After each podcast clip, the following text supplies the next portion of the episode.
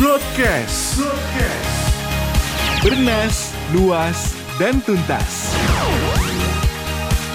Powered by Business Indonesia. Historia bisnis. Trofi MotoGP dari Pak Harto usai balapan panas Dohan versus Baros. Indonesia menjadi sorotan pecinta otomotif dunia setelah menggelar deretan ajang berskala internasional termasuk MotoGP. MotoGP Mandalika bukan satu-satunya ajang otomotif berskala internasional yang mampu diselenggarakan oleh Indonesia. Para pembalap MotoGP dijadwalkan siap menjajal sirkuit Mandalika pada Jumat 11 Februari 2022 hingga Minggu 13 Februari 2022. Indonesia akhirnya kembali menjadi tuan rumah ajang balapan motor bergengsi itu setelah absen hampir selama 25 tahun atau tepatnya terakhir pada 1997.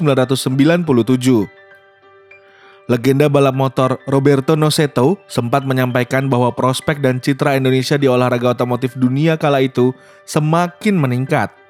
Pesan itu disampaikannya dalam ajang MotoGP yang berlangsung di sirkuit Sentul pada 28 September 1997. Ungkapan Roberto cukup beralasan. Pasalnya, pada medio 1996 hingga 1997 berlangsung serangkaian ajang otomotif berskala internasional. Sebut saja World Rally Championship di Sumatera Utara dan kejuaraan dunia motocross 250cc di Jatinangor, Jawa Barat. Indonesia sendiri pertama kali menjadi tuan rumah MotoGP pada 1996. Ajang bertajuk Indonesian Marlboro Grand Prix 500 berlangsung di sirkuit Sentul Citerep Bogor. Sirkuit Sentul rampung dibangun pada 1992. Presiden Soeharto meresmikannya setahun kemudian atau tepatnya pada 22 Agustus 1993. Pak Harto juga turut hadir langsung menyaksikan gelaran perdana MotoGP di Indonesia. Momen itu terekam menjadi salah satu laporan koran bisnis Indonesia edisi 8 April 1996 di artikel berjudul Dohan tampil terkuat dan memikat di GP Sentul. Presiden Soeharto dilaporkan turut menyaksikan lomba setelah membuka resmi ajang balap kelas dunia itu pada pagi hari. Dalam seri tersebut, pebalap Australia Michael Dohan tidak tersaingi di kelas MotoGP. Sebenarnya saya merasa tertekan dalam pertarungan karena semua lawan melaju dengan kecepatan maksimal. Selain itu, cuaca terlalu panas bagi saya. Ujarnya usai menyelesaikan balapan dikutip dari koran Bisnis Indonesia edisi 8 April 1996. Sejak meluncur dari garis start, Dohan tampil konsisten sepanjang lintas – Aksi itu menjadi balasan setelah kalah dari Kadalora di seri pertama sirkuit Shah Alam Malaysia. Kematangan Dohan menjadi modal utama untuk meraih kemenangan. Dalam setiap tikungan, kecepatan motor Honda yang dia kendarai tetap stabil. Kendati demikian, Dohan mengaku kemenangan yang diraihnya tidak semudah yang diperkirakan.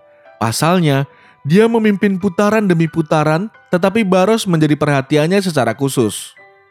Dohan menjuarai Indonesian Grand Prix dengan waktu tempuh untuk 30 putaran selama 43 menit 50,798 detik. Namun, tambahan 25 poin saat itu belum mampu mengantarkan Dohan menggeser Alex Barros di puncak klasemen sementara saat itu dengan 40 poin. Barros sendiri menempati posisi kedua di Indonesian Marlboro Grand Prix 500. Dia mengaku kesulitan untuk memacu kendaraannya secara maksimal. Ada kerusakan kecil pada bagian roda motor saya, tapi dari keseluruhan lomba saya puas dengan hasil ini. Jelasnya. Adapun Luka Capirosi saat itu harus puas, finish di urutan ketiga. Dia mengaku sudah memacu kendaraannya dengan maksimal putaran demi putaran.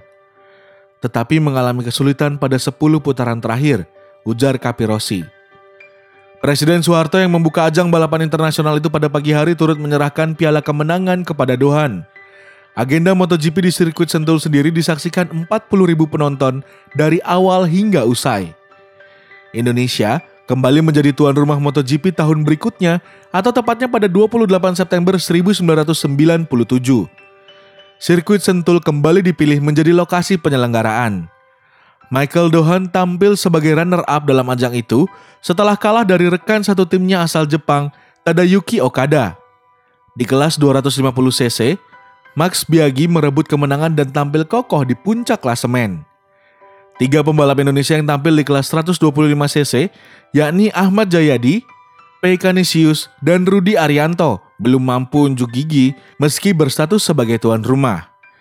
Pebalap yang kemudian menjelma menjadi legenda MotoGP, Valentino Rossi, keluar sebagai juara untuk kelas tersebut.